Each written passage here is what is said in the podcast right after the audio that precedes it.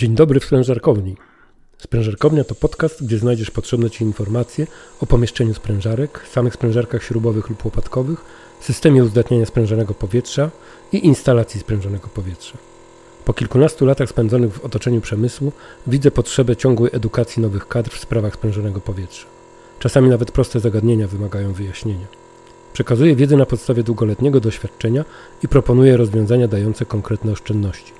Liczę na to, że może chociaż w kilku zakładach popatrzy się na aspekt sprężonego powietrza krytycznym okiem i coś się zmieni na korzyść, zwłaszcza w rozpoczynającej się dobie koniecznej energoefektywności. Ja nazywam się Marcin Dąbrowski. Zapraszam do pogłębiania wiedzy i znajdowania rozwiązań.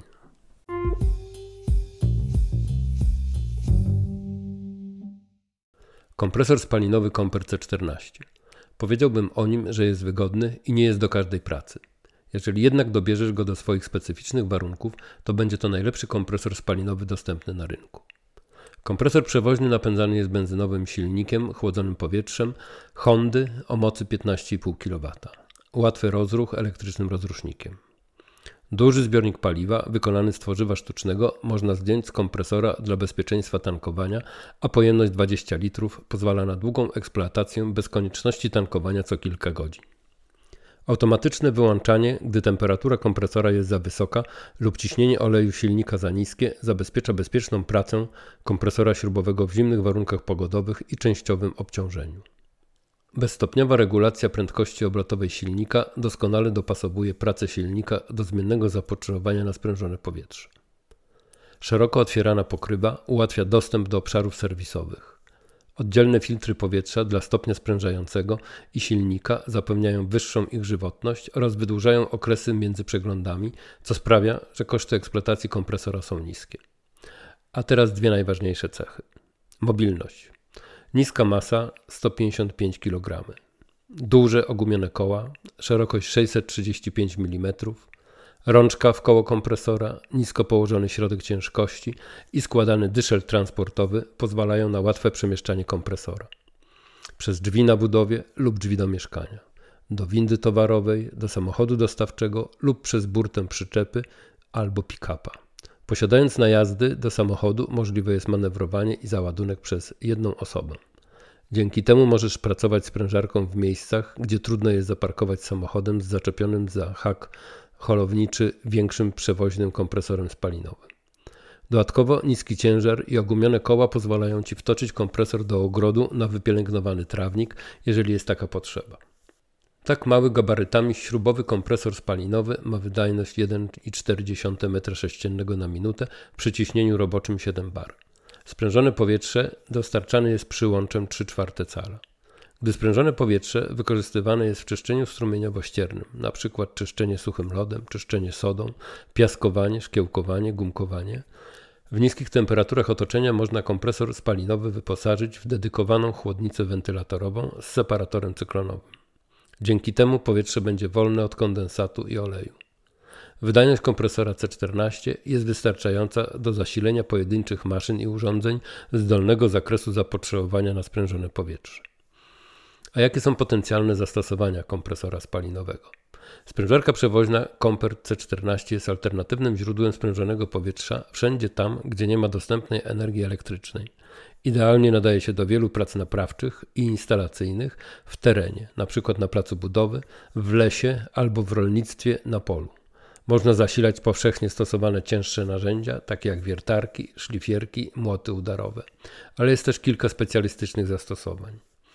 W technologii drążenia udarowego, czyli przeprowadzaniu przez grunt przebijaka pneumatycznego zwanego okretem, kompresor Comper C14 może zasilić przebijaki do średnicy 80-85 mm, czyli do wprowadzania rur z tworzywa sztucznego o średnicy do 75 mm.